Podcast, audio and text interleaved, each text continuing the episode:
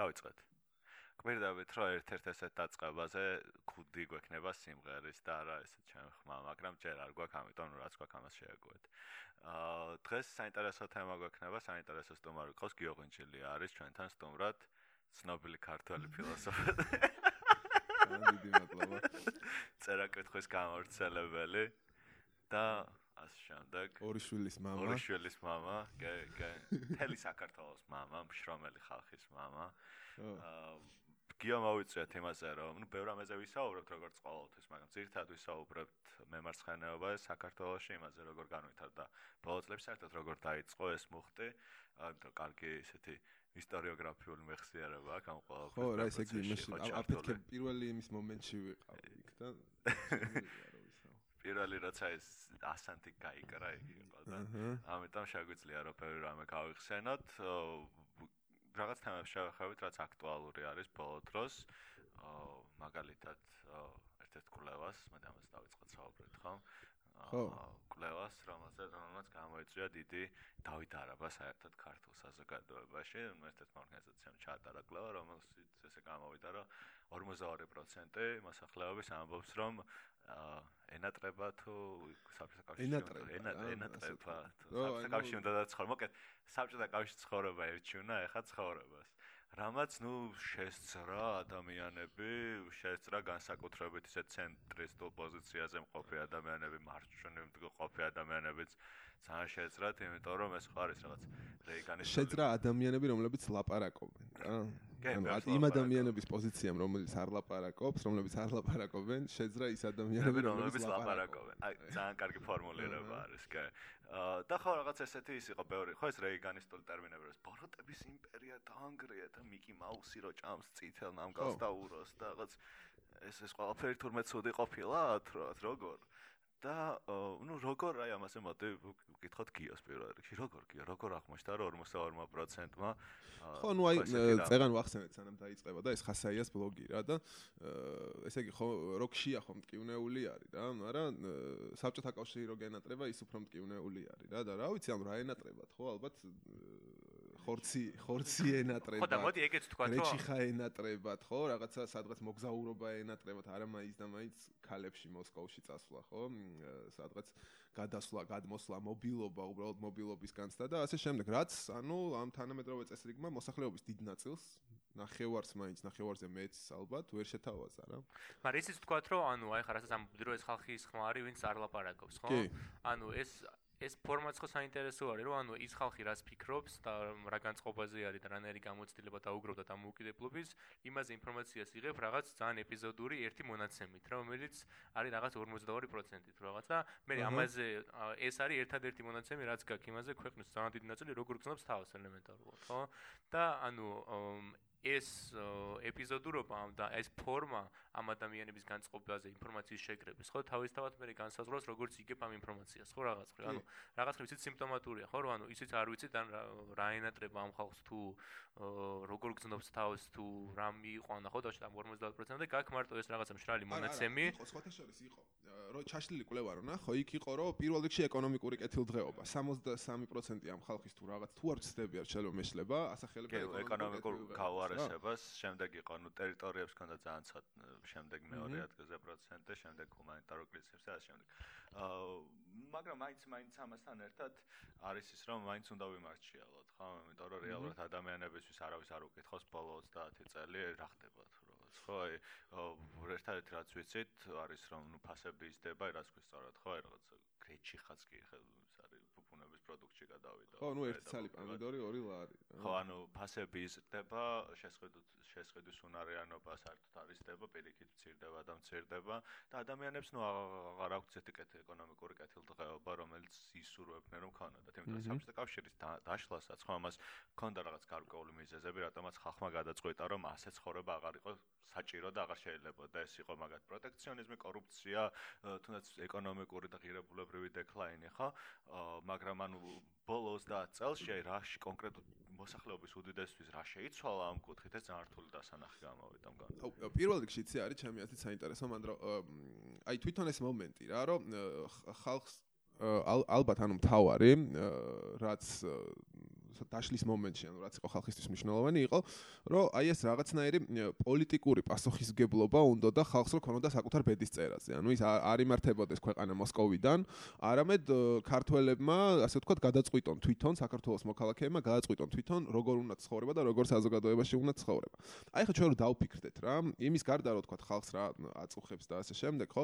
თვითონ ეს გამოკითხვა არის ძალიან სიმპტომატური და ძალიან კარგად მეტყველებს იმ წესრიგზე, რომელშიც ჩვენ ეს 30 წელია ვცხოვრობთ რა. გაუჩნდა ხალხს ანუ ამისი საშუალება, რომ ეს თავისი პოლიტიკური ბედისწერა გადაწყვიტოს. ანუ ჩვენ მე მგონია, რომ ჩვენ ყავს ანუ ერთი მხრივ გვაქვს ანუ ქონების მიტაცების აი უზარმაზარი რაღაცა კატასტროფული მასშტაბი 70 წლის განმავლობაში და ამ მიტაცებული ქონებით სახელმწიფოს და მედიის მართვა და ხალხის სრული გამოთიშვა პოლიტიკიდან, ხო? იმიტომ რომ შენ გესმის სადმე, ანუ იმ ხალხის ხმა მაგალითად, ვისაც საბჭოთა კავშირი ენატრება, ანუ რას ამბობენ, როგორ ლაპარაკობენ, ხო? და თურმე არიან 51%, ხო? ანუ ერთი ვიცით რომ არის ის გრიშაონიანი არის, გამოდის რაღაც ოდიოზური პერსონა არის, რომელიც ხან იგინება, ხან სამიკაცი აკვართ და დანარჩენები არის. ანუ წარმოიდგინე, რომ წარმოიდგინე რა, რომ ანუ ამ ხელა ესე იგი ამ ხო. და ჩვენ ჩუმად ვართ ოღონდ რა ჩვენც ამ ხმას ვერ ვიღებთ რა. ხო და შენ წარმოიდგინე რა როგორი სიტუაცია არის შექმნილი რომ ამ ხელა ფული იხარჯება პროპაგანდაზე პროპაგანდაზე რისი, რომ ჩვენ მივდივართ ევროპისკენ და ჩვენ მივდივართ პროგრესისკენ, ხო? 30 წლის განმავლობაში რა, რომ ეს თბილისი რაღაცა ახალი ბერლინის გახდა ამასობაში, ანუ მილიონი რაღაცა მოხდა და 51%-ს ანუ ისევ ენატრება საბჭოთა კავშირი და ამის უკან შენ არ დაინახო რაღაცა ეკონომიკური ლოგიკა, ხო? არ დაინახო კეთილდღეობის გადანაწილება როგორ ხდება და ძალაუფლების გადანაწილება როგორ ხდება მართულ კლასს და მოსახლეობას შორის, ხო? ანუ რაღაც წარმოუდგენელი რაღაცა არის, ან ცოტა იმბეცილი უნდა იყო მე მგონი. ესე იგი არ გინდა რომ და დაინახო რა. და თვითონ აი საბჭოთა კავშირის დაშლასაც რა მოტივი ქონდა, ხო? იმის გადაფასებაც და იმის რაღაც კრიტიკულად ეჭქვეშ დაყენებაც შეიძლება, ხო? აი ხა რაღაც 30 წელი გავიდა და რაღაც 30 წლის იუბილეზე დაშლის რაღაც ბევრი ხალხი საუბრობდა იმაზე, რომ აი როგორ გავიგოთ დღევანდელი გადმოსახედიდან, რატო აღარ უნდა და ხალხ საბჭოთა კავშირში ცხოვრება, ხო? და არის ხო რაღაც ისეთი მიმართულებაც, ვინც ამბობს, რომ საბჭოთა კავშირი იმიტომ ერთ-ერთი რაც ამოძრავებდა საბჭოთა კავშირის წინააღმდეგ ხალხის პროტესტს, ხო? იყო მემარცხენე კრიტიკა საბჭოთა კავშირის თვითონ, რომ საბჭოთა კავშირი თვითონ ჩამოყალიბდა უზარმაზარი უთანასწორობდა, რომ ეს აპარატჩიკების კლასი და ანუ ხალხი ითხოვდა მეტთანასწორობა საბჭოთა კავშირის დაშლისასაც. აა მაგრამ დღეს აი ეს ნაწილი ხო კრიტიკის რომელიც მიემართებოდა საბჭოთა კავშირს და რის გამო რაც ამოძრავებდა დიდწილად ამ პროტესტებს რაღაცნაირად მიმალული არის და გჩება მხოლოდ ეს ეროვნული რაც ასევე მნიშვნელოვანი იყო ცხადია დემოკრატიული მოთხოვნა ხო რომ მოსკოვიდან არ ვიმართებოდეთ ასე შემდეგ ასე შემდეგ მაგრამ ასევე ქონდა ამას ეს კომპონენტი რომ ხალხი თხოვდა მეტთანასწორობას და მეტსამართლიანობას ხო? რეალურად თან ანუ ეს ხო არის სამართული გამოსაცნობი რამე იმიტომ რომ ყველა ასეთი ღრმა და მძლავრი პროტესტის მიზეზი უკან არის ეკონომიკური, ხო? ანუ ყოველთვის არის რაღაც უთანასწორობა, რომელიც წარმოშობს ერთ ადამიანების ძალიან ისეთ მძიმე ყოფას და მეორე ადამიანების, მეორე ჯგუფის ადამიანების საკმაოდ ისეთ უკეთეს პირობებში ცხოვრებას, რომელიც ქმნის უფრო და უფრო მეტად ამ გათიშულობის ბარიერს, ეს გათიშულობის ბარიერი აისახება საბოლოო ჯამში კრიზისში, რომელიც ქვეყანაში, რომელიც ქვეყანაში რაღაც ცვლილებებს მოიტანს, ხო? ეკონომიკური, ასე ვთქვათ, ეკონომიკური მიზეზი ქონდა ამას საბჭოთა კავშირში, ეკონომიკური მიზეზი აქვს ამას ახლა თუნდაც ამერიკაში და ასე შემდეგ, ხო? თუმცა ამ ყველაფრის გადაწყვეტა ყოველთვის არის ასე ვთქვათ იდეოლოგიური, ხო? ამ ყველაფრის გადაწყვეტა ყოველთვის არის პოლიტიკური, იმიტომ რომ ეკონომიკური მოთხოვნა, ეკონომიკური, სწორად ეკონომიკური საჭიროება განაპირობებს შენს პოლიტიკურ მოთხოვნას, რომელიც განაპირობებს შენს ჩართულობას პოლიტიკაში და იწყებ უკვე მოთხოვნას რაღაც ისეთი ისეთი რაღაცების, რაც აქამდე არ ქონდა. შენი პოლიტიკური ბრძოლა წარმატებული არის მაშინ, როდესაც გამოიმარჯვებ და ამბობ, რომ ახლა მე ვაწესებ ახალ პოლიტიკურ წესრიგს და ახალი პოლიტიკური წესრიგი განაპირობებს ხალხის ასე ვთქვათ კეთილდღეობას, ხალხის ეკონომიკურ ცხოვრებას, ხალხის კულტურულ ცხოვრებას და ასე შემდეგ და ასე შემდეგ. ხომ? რაც მოხდა საბჭოთა კავშირის დაშლის შემდეგ, კი დავაწესეთ ახალი წესრიგი, რა შევცვალეთ? ანუ მე მქონდა ამას წინა დისკუსია ადამიანებთან, რომლებმაც მეტყველებს მეუბნებოდნენ, რომ იცით საბჭოთა კავშირი რა ცუდი იყო, მაშინ ელექტროშოკებით აწამებდნენ ადამიანებს, ვინც არ ეთანხმებოდნენ პოლიტიკურად. ანუ ეგ დიდი ხანია არ ხდება საქართველოში, რაღაც წლის წინ ესე არ ხდებოდა. ვიღაცებს ციხეში სვამენ, იმიტომ რაღაც ციგნებს წერენ და კითხულობენ. ანუ დიდი ხანია, ანუ ეს საბჭოთა კავშირის მე გაქრა საქართველოსთან, ანუ არა ხო ესე არ მოხდა რა. პრინციპში ეს რაღაცა ეს კონსერვატორები რო ნეობოლშევიზმს რო ეძახიან ხოლმე, ეს რაღაცა ნეობოლშევიზმი ისევ არსებობს რა და მე კიდე დაუწრილმანდებოდი უფრო რა. და საქართველოში იყო პრინციპში ახლა ჩემი ის არის თან ინტერესის სფერო არის რა ეს პოსტსაბჭოთა ტრანსფორმაცია და საქართველოში იყო დანარჩენ საბჭოთა ქვეყნებთან შედარებით განსაკუთრებული ფორმით ჩამოყალიბდა საერთოდ ეკონომიკური და სოციალური მოდელი, იმიტომ რომ ის იყო საშინლად კორუმპირებული და მის თავზე იყო მომჯდარი რაღაცა აი ეს ბიუროკრატია, კულტურული მოღვაწეები და ასე შემდეგ, რომლებიც საშინლად კორუმპირებულები იყვნენ და პრინციპში ანუ 9 აპრილი ხო, მათ შორის იყო ერთ-ერთი ვის წინააღმდეგაც იყო მომართე ერთ-ერთი კი არა, ალბათ ყველაზე მნიშვნელოვანი იყო მათ წინააღმდეგ, ამ ბიუროკრატიის წინააღმდეგ მომართული და დღეს ვის ხედავთ ჩვენ? იგივე ხალხი. ამ პოლიტიკაში ეს ესენი არიან ლიბერალებად ტრანსფორმირებული ბოლშევიკები სინამ ნამდვილში. კი, აბსოლუტურად 100%. მათი შვილები, რომლებმაც ანუ ეს ქონება, იცოდნენ, ანუ სად არის ეს ქონება? ლოკალიზებული, ასე ვთქვათ, როგორ უნდა დაითრიონ ეს ქონება, როგორი პროცედურები უნდა ჩაატარონ და ნუ შევარნაძეს ამისი სახე არის, არა? 100%. ეგრეა. მათი შვილები, მათი გამგზელებლები, ახალი ოჯახი, ახალი ახალი ესეთ ერთი კონცეფცია, რაც განასხვავებს საქართველოს შორის საქართველოსი კლასოვრივ მოწყობას და დასავლეთში კლასოვრივ მოწყობას, არის ერთი ძალიან მნიშვნელოვანი კონცეფტი, რომელიც ესეთ საინტერესო არის ანალიზისთვის, ხო? ამერიკაში ინგლისში ციციან old money, ესეთი ესეთი ტერმინი აქვს, ხო, ძველი ფული, როცა ვიღაცამ მაგალითად 100 წლის წინ შენმა წინაპარმა იშოვა რაღაც ფული, მოიპოვა საზოგადოებაში პოზიცია და დღეს ამ შენ არაფერი არ ეკეთები ამისთვის ამისთვის რაც შეიძლება მამაშს არ გავკეთები არაფერი ამისთვის. მაგრამ ანუ ჰილტონის დაახლოებით კი მაგრამ ანუ ოლდმანი ხარ რა ანუ ანუ რუთი ძალიან ჩაბეტონებული არის შენი პრივილეგია ამ საზოგადოების ქსოვილში უკვე რა. ანუ საქართველოსში ეს ცოტა უცნაურად მოხდა იმიტომ რომ არ გვაქვს ეს ოლდმანი კონცეფტი რა მაგრამ ანუ ბოლშევიკების შემდგომში აი 27 წლის შემდეგ განსაკუთრებით ამ კულტურული და აკადემიური ელიტების ფორმირების რაღაც ისეთ წესრიგმა შექმნა დაახლოებითი ასე ვთქვათ საზოგადოების ქსოვილში ჩაშენებული პრივილეგიის ცოტა ახლებური ახლებური რაღაც მოდელი რა რომელიც კი კი აი ზუსტად ზუსტად კი რაღაც ტომობრივი რა. კი კი კი კი კი კი კი. პროფესორის შვილი იყო და ახლა მოდი პრივატიზაციის დროს მივყიდოთ რაღაცა დიდი ფართი რაღაც სადღაც ან რაღაცა ეს ქარხანა წაიღოს იმიტომ რომ რაღაც მამამისი იყო ექიმი თუ რაღაც ხო ლევან ვასაძის პრივილეგია თავიდან ბოლომდე ხო ეგ არის რაღაც სასაცილო ცოტათი თან გასეს იმიტომ რომ ე მამამისი იყო ექიმი ამამისი კულტურული კაცი იყო რა. ექიმი იყო, ექიმი თუ იყო ბაზარი არ არის. ექიმი თუ არის შეუძლია დღეიდან იყო სახელმწიფო ქონება ლარად, მე ეს ყველაფერი გაყიდოს, ადამიანებს მის დასაქმებულებს ვისაც საერთოდ ყურადღება არ მიაქცეს, დაზღვევა არ გავკესა შემდეგ. თავარა ნუ ექიმი იყო, კი. კი, ბევრი იყო ესეთი ამ თავ თავიდან ბოლომდე ეს აი თუ კიდე უფრო შორსაც რომ წავიდეთ რა, ძალიან საგულისხმო მომენტი არის რომ ეს აი ეს გვარონ წოდებრივი მომენტი რა ქართული რა. სინამდვილეში ანუ ფესვებით კიდე ფეოდალიზმამდე ფეოდალიზმამდე მიდის კი ზუსტად რა. იმიტომ რომ აი მაგალითად როდესაც ანუ შეიძლება ხა ამ მომენტის შემოტანა ცოტა ისეთი იყოს, მაგრამ მე არ მგონია რომ ცოტა ის არის ყურით მოთრეული მომენტი არა, როდესაც ანუ ბატონყობა გადავარდა მთელ რუსეთის იმპერიაში, ქართველმა ფეოდალებმა მოითხოვეს რომ ჩვენ 10 წელს გვაცადეთო. და ვინებ ჭავჭავაძეებმა ბარათაშვილებმა ესეთმა იმათმა რა და მათ მოითხოვეს ეს და მიიღეს ანუ 10 წელი უფასო შრომა მისი ღვინჯილიების ჩიხლაძეების და იმისი რა და ამ ამის შემდეგ ანუ პრინციპში ხო საქართველოს ქონდა ეს ძლიერი გამოხატული წოდებრივი და ეს გვაროვნული მომენტი ყოველთვის რა. ანუ ეს noble რაც არის რა კი nobility მართალი ხო და ეს ეს ქონდა ყოველთვის ძლიერად გამოხატული და ამან ანუ მე ვთვლი რომ კომუნიზმსაც გაუძლო საქართველოში, იმიტომ რომ ამ ელიტასთან გარიგება რაღაცა დონეზე ცენტრალურ კომუნისტურ აპარატსაც ჭირდებოდა დეტალურად რო შეხედო ისტორიას. გაურიგდა კიდე ძალიან ბევრ ლეველს, ამის შემდეგ უკვე როდესაც დერეგულაცია მოხდა, ეს მათი 64 აღმოჩნდა უბრალოდ, რა. კი. და საბოლოოდ მივედით აქამდე, როცა ადამიანებს, ნუ არ ახსოვთ ვიღაცებს, რომ 10 წლის წინ ადამიანის უფლებების კუთხით, რეპრესიების კუთხით თუ არის მდგომარეობა, იყო კორუფცია ახლაც რაღაც საშინო მდგომარეობაში არის ხომ?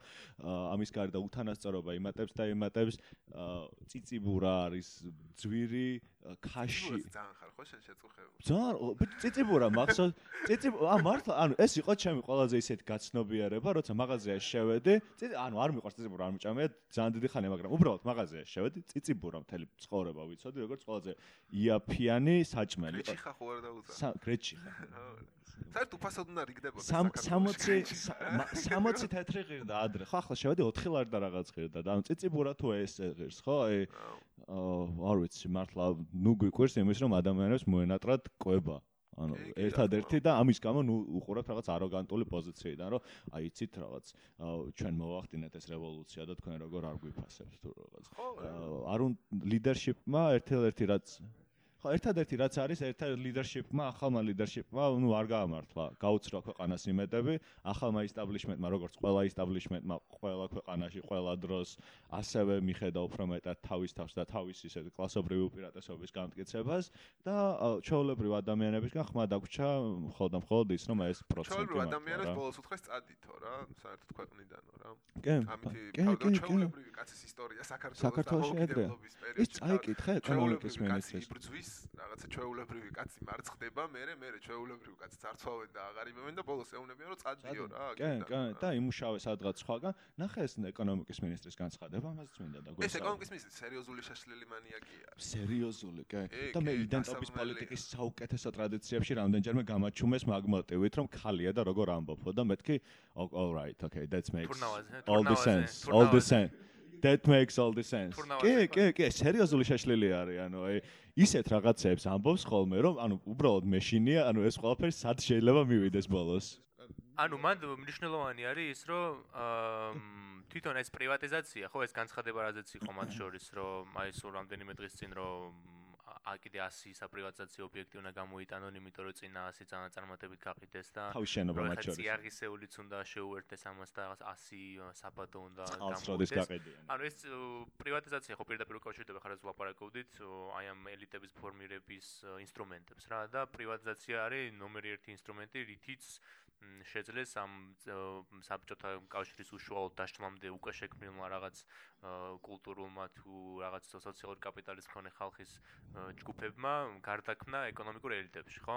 და დღემდე გრძელდება იგივე პოლიტიკა. მათ შორის პენსიების და ანაბრების პრივატიზაცია, ხო? სხვისი პენსიების და ეს რაღაცა საღადაო თემად გადააქციეს რა.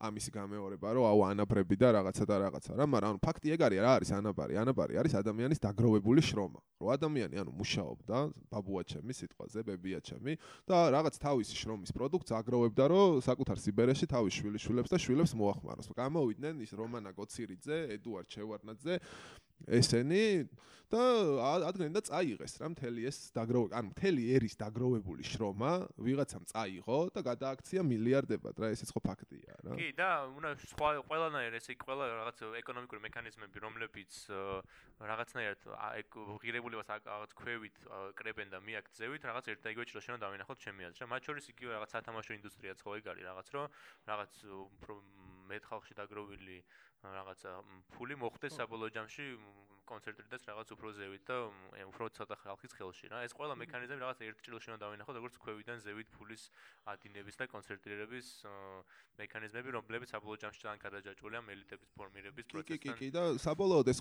ეს კაპიტალი ფორმდება კულტურულ ჰეგემონიაში, ხო? რაც მთავარი არის, იმიტომ რომ ვისაც აქვს რესურსი, იმას აქვს მედია, ხო? ჩვენ ახლა აგერ ორი მიკროფონით იმით ვზივართ, ერთი 20 კაცი გვისმენს და იქ კაცმა მოუგო 25 და მე მგონი 30 წელოდებით ამ ეპიზოდში. 30 წელოდებით.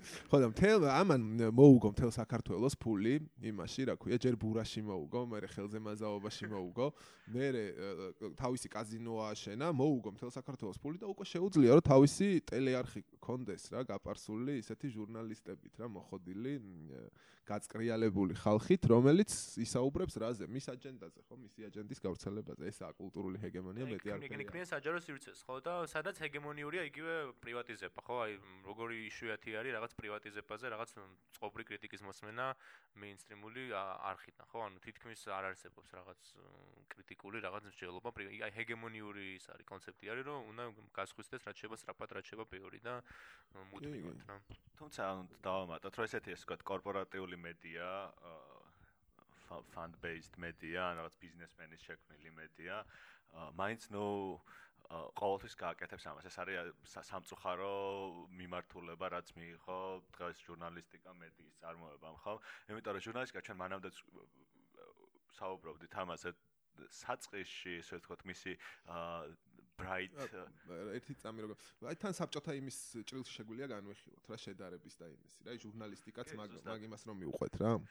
აი სუ სუ დასაწყისში როცა ასე ვთქვათ პამფლეტებს წერდნენ ჟურნალისტები ისინი მოდიოდნენ working class-იდან ხო? ანუ შრომელი კლასიდან იყვნენ ასე ვთქვათ ესეთი ოჯახების, მშრომელი ოჯახების, აი უბანში რომ ერთმა ბიჭმა რომ კარგად იცოდან, ერთმა გოგომ კარგად დაწერა რაღაცის, ან კარგად ორიგინალი ჟურნალისტიკა ესე? კი, კი, ეს იყო რაღაც მოდიოდა რაღაც ძალიან ქვემოდან და მოდიოდა ისე რომ ცდილობდა რომ გაერთიანებინა ინფორმაცია მათში, გავრცელებიყო, იმიტომ რომ ელიტებს არ სჭირდება ჟურნალისტიკა, არ სჭირდებოდა თავიდან. ხო, ჩაოლებრივად. კი, ელიტებს ძალიან კარგად ქონდათ რაღაც ბალები თავიანთ სასახლეებში, იყვნენ შენივრად მომჯდარები, საერთოდ არ უნდა რომ შეწუხებულიყვნენ ახალი ამბით თუნდაც ხო? მათთვის ახალი ამბავი იყო რომ რაღაც მოვიდა მეტი ქონება ხო?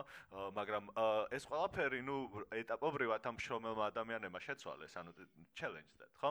მაგრამ რაც ყოველთვის ხდება ხოლმე სამწუხაროდ სოფლიოს ისტორიაში ხომ? რომ როგორც კი მშრომელები დაიწყებენ თვითორგანიზების მცდელობას, როგორც კი მშრომელები იპოვიან თვითორგანიზების ახალ გზებს, მაშინვე მოვა იქ ძალიან ბევრი კარიერისტი და შეეცდება რომ ეს ყველაფერი გადააქციოს. აა, მათ რაღაც ამაზე შეგვიძლია მე უკვე მემარცხენე ისტორიის ჭრილში ვისაუბროთ. კი, კარგად შეგვიძლია. მაგრამ ხარ გადავიდეთ მოდი ჩვენს თემაზე. კი, მაგრამ გადავიდეთ ამ ამბავზე. გიორგის ისტორიოგრაფიული მეხსიერება რომ ავიხმოთ. აა, ხო. გაუტესტოთ.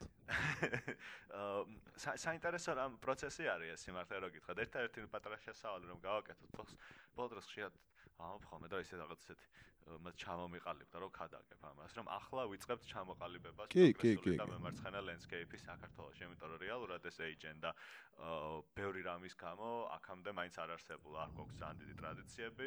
მათ შორის ვიღაც მეჩხობება და ამას რომ დიდი ინტელექტუალური ტრადიციები სხვანაირი არის გერმანიაში ინგლისში მემარცხენეებს მეთქი აი ჩვენ ხო ჩვენ რაღაც ახლა ვცდილობთ რომ რაღაცნაირად რაღაცა გამოვიდეს ხო ანუ ვცდილობთ რომ გქონდეს რაღაც ორგანიზაციები თუნდაც იგივე მედია ორგანიზაციები რომლებიც გაუძლებენ დროს 50 წელს, 100 წელს და ასე შემდეგ ახალგაზრდები როცა გადაწყვეტენ სოციალურ და პოლიტიკურ ცხოვრებაში ჩართვას, რომ იცოდნენ უკვე სად არიან welcome, რა იცოდნენ უკვე სად არიან სად შეუძლიათ რომ განახორციელონ თავიანთი იდეები. თუ არიან anti-establishment, კონდეთ რაღაც გზა ან რომ anti-establishment გზა ასე შეიძლება რომ წავიდეს.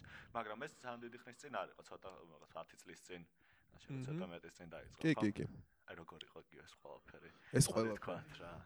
გაიხსენა პირველი ნაბიჯები შენ. კარგი შესავალი, კარგი შესავალი გააკეთე შენ რა და იცი რა რომ მე თვითონაც ანუ ისეთი განცდა მიჩნდება რომ ხანახან აი რაღაცა ბევრ იმას გრძნობ ხოლმე რომ რაღაცა ბევრს მოითხოვენ ხო შენგანაც კარგი არის რა ხანდახან იმას გრძნობ რომ აი რაღაც რაღაცნაირ სხვადასხვანაირი დამოკიდებულება მიგრძნია რა და ყველაზე მეტად რაც არ მსიამოვნებს რა რომ მოხდა რაღაცნაირი გათქვეფა მთელი ამ ხალხის ვინც ამ პროცესის განმავლობაში იყო ამ ყველაფერში ჩართული და ვიღაცების მიმართ რომ სიტყვაზე სამართლიანი გულისწყრომა ქონიათ ადამიანებს მეც გამომიცდია ის ვიღაცების მიმართ მიმართული გულისწყრომა ჩემ თავზე რა. და ამიტომ გადავწყვიტე რომ უფრო რაღაცა სოციალური და უფრო ისეთი ჩა უფრო ხშირად რო იყოს ამაზე საუბარი ხო და აი როგორ დაიწყო ხო ეს ყველაფერი რომ ანუ პრინციპში იყო ეგეთი სიტუაცია რა გატარდა ლიბერალური განათლების რეფორმა. მე ვიტყოდი ნეოლიბერალური განათლების რეფორმა საქართველოში და მე მივედი უნივერსიტეტში ჩავაბარე ვიყავი 16 წლის და ცოტა ისეთი რაღაცა ისეთი ოჯახიდან წლები არის ეგეც რო თქვა ეს ეს არის 2007 და ისეთი ოჯახიდან რომელსაც ანუ კითხვა პრინციპში ძალიან პრიორიტეტული იყო რა. მამაჩემის მხრიდან დედაჩემის მხრიდან და რაღაცა წარმოდგენა ეხა სამყაროზე მქონდა ანუ თლად ისე არ ვიყავი რა მისული რომ რასაც ჩამძახებდნენ იმას ამ და ნუ პირველი რაც იყო პირველ კურსზე მახსოვს რომ წაგვიყვანა თენგის გოგოტიშვილმა ნატოს იმასთან რა ქვია პოლკოვნიკთან პოლკოვნიკთან შეხვედრაზე რა რომელმაც ეს წარმატებული სტუდენტები დაგუმოძღვრა რომ თქვენ ხა ძალიან მნიშვნელოვანი არის ჩვენი ჯარის ჩართულობა ერაყში და იმაში და ამისთვის ჩვენც ასე ვთქვათ რაღაცა პროპაგანდულად რაღაცნაირი ჩართულები უნდა ვიყოთ რა რომ ამას უნდა ვამბობდეთ გაიგე რომ რა მნიშვნელოვანი არის ქართველების წარმოადგენლობა იქ. მე იყო რომ აი მიყვები ამ სილაბუს რაღაც საგნების და სიტყვაზე ციკში არის მარქსი, რომელსაც გამოტოვებენ. და პირველ პირველი მომენტი იყო რომ რაღაცნაირად აი ეს ბუნებრივი დაეჭვების მომენტი რა, აი ამ ჰეგემონიაში გამოღვიძების მომენტი, ხო? რომ შენ ხარ რაღაც ბავშვია 18-19 წლის და ფიქრდები რომ იცი მე მგონი თლადესი არ არის რა ესენი ლაპარაკობენ, ხო? ამასთანავე უყურებ ამ კირკიტა ტაძის და იმათ თავზე გასულ თვითმართველობას, რომელსაც მილიონები აქვს დაფინანსება და ჩვენ აქედან ანუ ვითხოვდით, რომ ციგნე ეს თვითმართველობის ბიუჯეტი რაც იყო, ხო, ეს თვითმართველობის ბიუჯეტი იყო რამდენიმე მილიონი, რომელიც ანუ არ გამოვიყენოთ, მოდი ექსკურსიებზე ამ ბავშვების გამოსათაყვანებლად და რაღაცა და გამოვიყენოთ ლიტერატურის სათარგმნად, რომ ვისწავლოთ, ხო? და ამის გამო, ამის გამო მოგვიწია უკვე რაღაცა ფიზიკურ დაპირისპირებაში შესვლა, ანუ ადამიანებთან, რომლებიც ანუ მკვლელები არიან, თან რა პოტენციური რა. სერიოზული ჩხუბი მოხდა თან ფიზიკური დაპირისპირება ძალიან ამსუბუქე. არა, ხო, სერიოზული იყო რა, იქ იყო რა.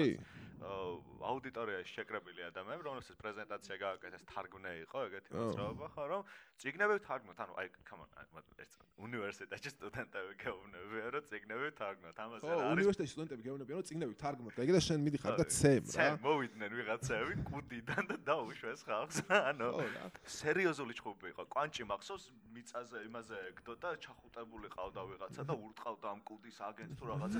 საკიშეთი ხდებოდა მართლა კი არა, ან მაშინ 18 წლის მაშინ მე ვიყავი 18 წლის პირველ კურსზე, მგონი კვანჭის ჩემი კურსელი იყო, მახსოვს? მე ეს ნიღბებით რომ შემოვარდნენ უკვე კოცების დროს თუ გახსოვს რა ეს აუდიტორიის აქციების კოცების დროს აღარ ვიყავი სიმართლე რო გითხრა ხო და აი ნახე რა მაგრამ ეგ დიდად არ მახსოვს იმიტომ რომ მაგ პერიოდში უკვე წასვლას წასვლისკენ მქონდა თვალი დაჭერილი და გავარბოდი ამ ქვეყნიდან ჩემ და სამწუხაროდ და სამარცხენად მაგრამ რა ვქნა ხა გავიდი ხო რა ანუ ჩვენ ესე ჩვენ შემთხვევაში იყო როგორი რაღაცა რა რომ დავინახეთ, რომ ანუ ესენი გვასწავლიან, ასე ვთქვათ, თავის სასარგებლოდ რა. თავის თავის სასარგებლოდ გვასწავლიან, იმას გვასწავლიან, რაც უნდათ. და პარალელურად ანუ რო წაიკითხავ რაღაცა ტიპის კრიტიკულ ლიტერატურას, ხო, რომელიც რამდენიმე ლექტორმა მათ შორის გია ჟორჟოლიანი იყო, ხო, რომ მე არ მქონია მისი ლექციები, არ ვსარჩეული, მაგრამ მისი გავლითაც შემოდიოდა ეს ლიტერატურა. ანუ რო წაიკითხავ, ხო, ამ ლიტერატურას, ანუ აღმოაჩენ ადამიანი, რომ ამ ყოველფრის უკან რაღაც დიდი ეკონომიკური უთანასწორობა და დიდი უსამართლობა იმალება რა. და ყველაზე მნიშვნელოვანი იყო ეს გაცნობიერების მომენტი, ხო? რო გაცნობიერების მომენტი რისი, ხო? ჩვენ ცხოვრობდით, ანუ ცხოვრობთ, ანუ ქვეყანაში, რომელშიც ანუ გადასახადები არის სიმცირით მესამე ადგილზე ვართ მსოფლიოში. ამის პარალელურად იყო ძალადობა, ძალმომრეობა, ჭიდაობა და ასე შემდეგ და ამას ამას მე დაიმთხვა ეს გაფიცვები ჭიათურაში ტყიბულში, რა. და სადაც ანუ ჩავედით, ჩვენ და მე მგონია რომ ეს ერთ-ერთი ყველაზე ისეთი, რა ვიცი, ჩემს პირად სამაყოც არის და ისეთი მომენტი არის რა, რომ ეს ანუ შთამბეჭდავი მომენტი იყო რა. იმიტომ რომ ანუ აქ ხო ისი არის ეს მედია დაალაგებული, რომ რეალურად ნახალოკელებმა არიციან სანზონაში რა ხდება და ჩვენ საიდან უნდა ვიცოდეთ, რომ ჭიათურაში რა ხდება და ჭიათურელებმა საიდან უნდა იცოდნენ, რომ თბილისში რა ხდება. და როდესაც ჩავედით და ეს ყველაფერი ვნახეთ, ხო, ეს ყველაფერი გავაცნობიერეთ, აი რაღაცა ისეთი მომენტი იყო, რომელსაც მე ანუ პირადად როცა მაგ ხოლმე საუბარი ხო ამ ძველ მეგობრებთან რომლებიც ხანიკ არიან ხანაკ არიან სულ ვეუბნები ხოლმე რომ აი ეგ მომენტები გაიხსენეთ გაიგე რომ სანამ სანამ გაიყიდებით ასე ვთქვათ. სანამ სანამ გაიყიდებით ხო სანამ ხელს მოაწერთ იმაზე რა ქვია კონტრაქტზე ხელს. ანუ ეგ მომენტები გახსოვ გახსოვთ რა რა მნიშვნელოვანი იყო. იმიტომ რომ შეიძლება ეს გაცნობიერების მომენტიც აი ეს ჩასვლის მომენტიც ამ მოძრაობის მომენტიც ხო? იყო ძალიან პატარა რა მაგრამ თავისი არსით თავისი შინაარსით ხო? და თავისი პოლიტიკური შინაარსით იყო ძალიან ძალიან ძალიან მნიშვნელოვანი რა. იმიტომ რომ ანუ მანამდე ესეთი რაღაცა ანუ არ არსებობდა საერთოდ. და ჩვენ აღმოჩნდით აი მედიის იმაში რა ქვია ყურადღების ეპიცენტრში.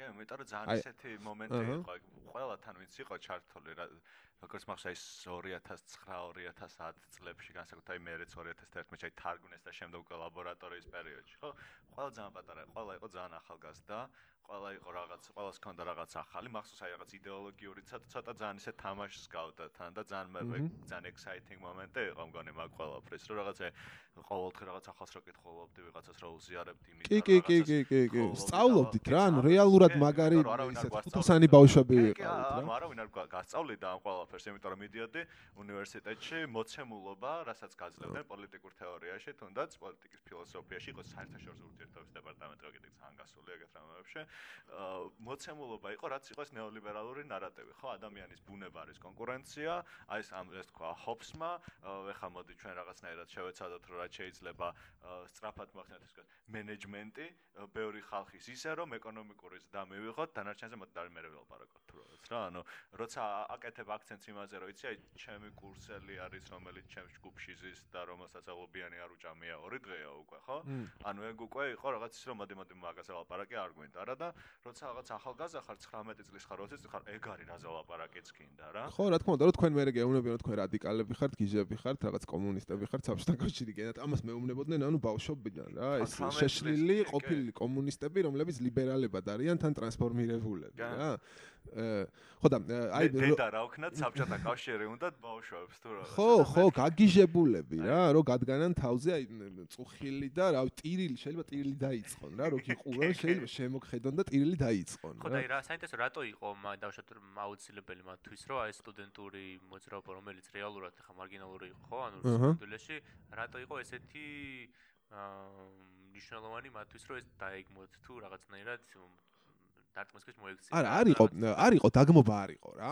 იცი როგორი რაღაცა იყო, რომ ეს წუხილი იყო, ისე ცოტა საღადაო დონეზე, რომ თქვენ ჯერ ბავშვები ხართ და მე მარცხენეები ხართ და რაღაცა და რაღაცა. ანუ დაგმობა წავიდა მე, როდესაც უკვე ანუ ჩვენც ჩვენც რო სერიოზულად მივხვდით, რომ ესენი ვინც თავზე ხელს გვისვამენ, ანუ თან რაღაცნაირად გრყნის რა ეს თავზე ხელის გადასმა რა, ანუ ამათი მხრიდან, რა, იმიტომ რომ ესენი თვითონ ამ წესრიგს ემსახურებიან, გაიგე, ეს პროფესორა, ეს ის ბევრ რაღაცაზე თვალი აქვთ დახუჭული და ესენიც ანუ სერიოზული ნაწილი არიან რა ამ წესრიგის, რა, იმიტომ რომ ანუ ისე იცხოვრეს, რომ არ შეწუხებულან რა ფაქტიურად ამ ყველაფრით, ან თუ შეწუხებულან თავის სამზარეულოში და თავის სახლში, ხო, რაც პროფესორს ანუ ბევრად მეტი მოეთხოვება რა. თან მოდი ერთი რაღაცა თქვა აუცილებლად, რა, ერთი აქცენტი რადაც მინდა რომ ყოველთვის გავაკეთო ხოლმე მარბარი არ მისაუბრე ამაზე. ეს არის აი რაღაცნაირად არ დაგარხარ დაკერებული ახალგაზრდების ფეტიში, რომელიც არის ქართულ საზოგადოებაში, რომ ახალგაზრდები გადაგვარჩენს. ძალიან დიდი ნარატივია, სხვა შორის რომელიც 9 აპრილიდან მოდის ალბათ ან უფრო ადრე ადრინდელი პერიოდიდანაც, როცა გაც დედაენის თემათა და შემდეგ.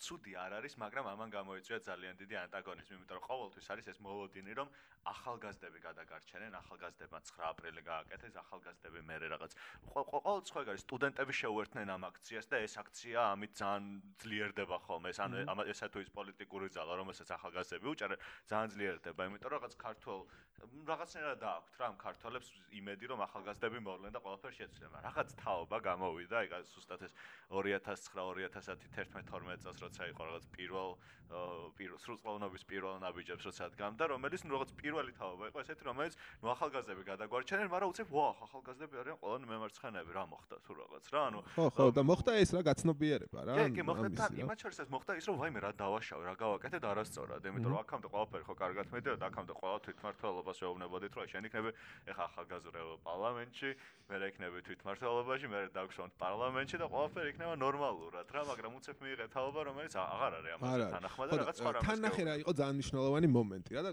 თან შეგვიძლია რომ ისე ეტაპობრივად მიუყვეთ ამის ანალიზს რა იმიტომ რომ მე მგონი არც გაკეთებულა რა რომ იყო ანუ ამ მომენტში იყო ძალიან გამოკვეთილი ეს პროგრესულების და ბნელების მომენტი და ეს რაღაცა მემარცხენე პონტი გაიგე ანუ არ ჯდებოდა ამ იმაში რა.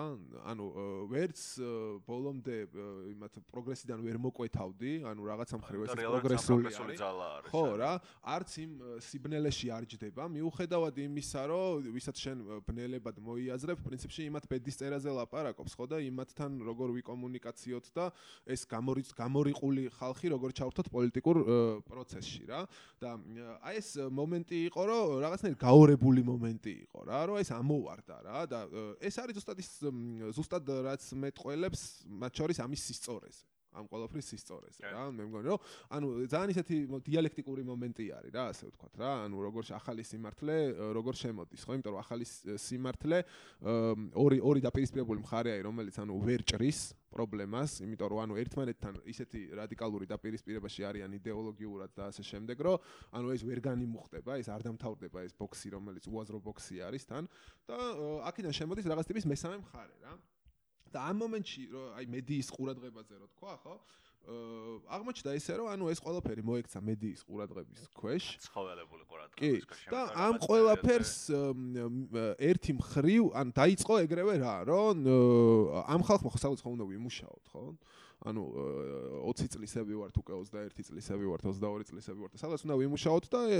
ეჩითება ეს ვარიანტები რა რაღაც სამოქალაქო საზოგადოების ვარიანტები ერთი მხრივ ამ NGO სექტორში და რაღაცა მეორე მხრივ ქართული ოცნების პარტიული ხაზი და მესამე მხრივ ანუ რაც რჩება ხო და მე ვიყავი მაგნაწილში რომელიც რჩებოდა სანამ მე კიდე ილიას უნივერსიტეტში არ დავიწყებდი მუშაობას და ეს ნაწილი ხდება როგორ იცი რა ის ოსო და კაუნტა მაგალითად რო ლაპარაკობდნენ ხოლმე ანუ მე რომ მივედი იმ ხელა კომპლექსი მქონდა იმიტომ რომ ფაქტიურად ანუ უცხო ენაზე ლაპარაკობდნენ გაიგე შეიძლება იჯდი ანუ 2 საათით ქართულად ლაპარაკობენ თითქოს ტიპები რა და ლაპარაკობენ ანუ რაღაცა ანუ ერთმა მარტო ერთმანეთის რო ეს რა ხო ხტები ანუ იმას იმის ის აბსოლუტურად ტოპ მარგინალიზაცია. ესენი მე მარგინალი კაუნტა ხო და მეც მე მაგაში გადავედი მეც მეც მე მაგაში გადავედი რა სხვათა შორის რა ამათთან ერთად რა და აღმოჩნდა ანუ ესეთი სიტუაცია რა რომ ერთი მხრივ ანუ არის ეს რაღაცა კარიერული წინსვლის მომენტები უკვე ამ ინსტიტუტებში რომლებიც დაფუძნებული არის პარტიულ პოლიტიკურ და არასამთავრობო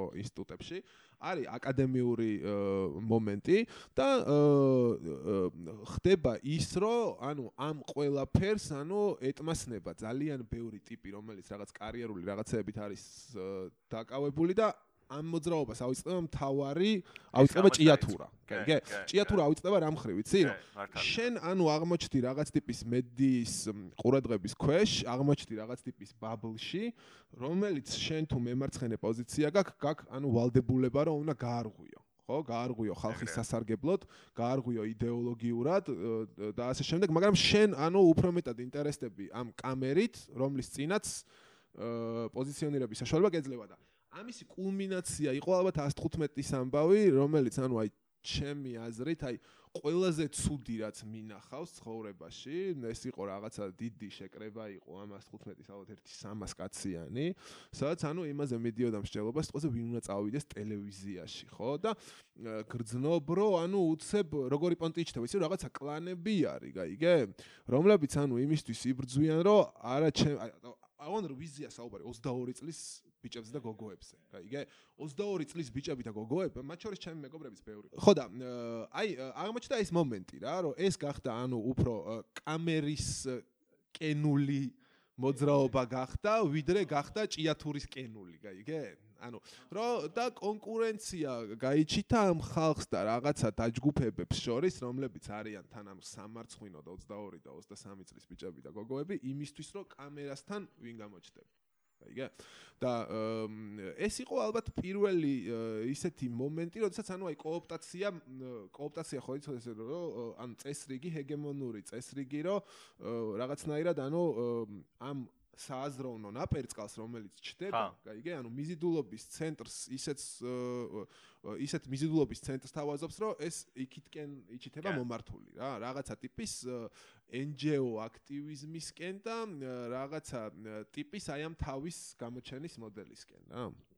ლევანს კონდა სხვათა შორის ლევანმა ბერიანიძე როცა ყავდა სტომას ზუსტად ამაზე გააკეთა აქცენტი როგორც ეს არის უმთავრეს ჩელენჯზე რაც ბოლო წლებში ქონდა მემარცხენე მოძრაობებს რომ რაღაცნაირად ყოველს მოგვიდა თან გამოუცდელობით მოგვიდა ჩემი აზრით და მეც მომივიდა მათ შორის არ ვარ უფრო მე ვარ ის წმინდა ამან ბავში და ბევრ მეგობარს ვისაც ვცნობ ყოველ ძალიან ბევრს მოვიდა ასე თქვა ხო აა ყოველს დაგვემართა როგორ ამეცი ერთის ხრი უნდა გვეყვირა უგესროლა ვიღაცის პომიდორი და მეორე მხრივ მე იმასთან შეხვედრები მქონდა მასე რომ პოლისი როგორ გავმართოთ თუ რაღაცა და აი ეს წეს ეს როგორ დავაწესოთ და ეს პროექტი როგორ ავაწყოთ? ეგ არ გამოდის რა ანუ თუ გვისმენთ ახალგაზრდა მემარცხენეები გეოვნებით რომ 25-ს გეუბნებით 25-ს გეოვნებით რომ ეგ არ გამოდის ანუ ანუ არც ერთ გზას არ ზრახავთ, რომელი გზაც მიგაჩნიათ, რომ სწორი არის იმ გზას მიყევით, გირჩევთ რომ მიყვეთ მაინც კრესროთ გზას და რა თქმა უნდა, რა თქმა უნდა.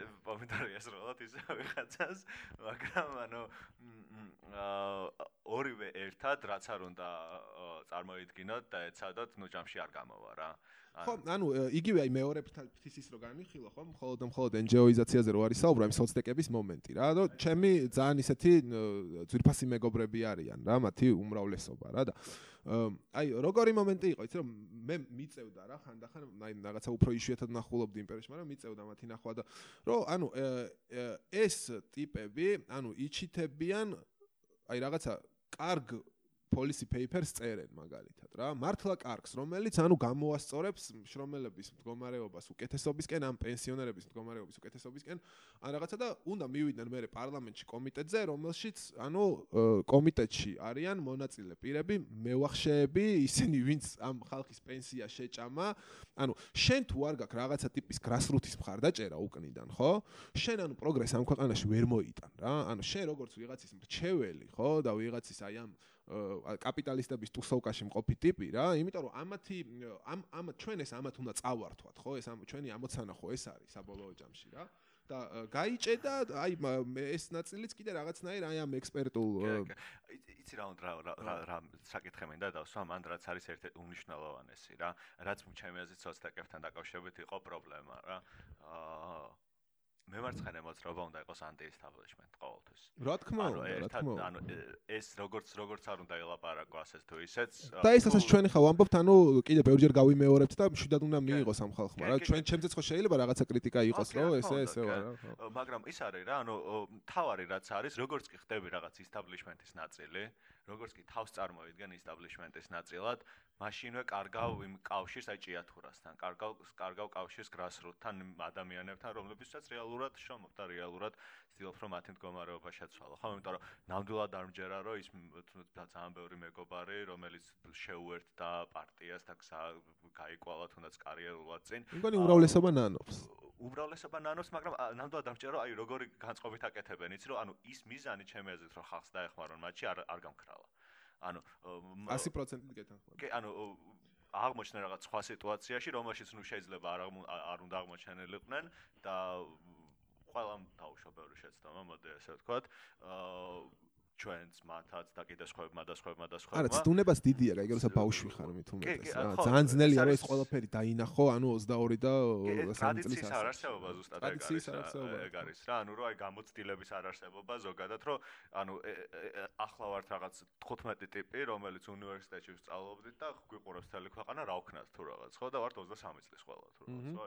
ბძარტულია რომ მან 23 15-ე სწორად მოიქცეს ყველა კი მაგრამ ამასთანავე რა. ამასთანავე რა არის აი ძალიან მნიშვნელოვანი რა რომ ერთი რაც არის აი რაც შემიძლია რომ დაზუსტებით თქვა მე ანუ სააკაშვილიდან მოყოლებული და მე ოცნებით გაგრძელებული ყველა აი ამ ყრილობაზე და შეკრებაზე ყოველთვის გრძნობდი უშიშროების და იმის აი რაღაცა წარმოდგენილობას რა.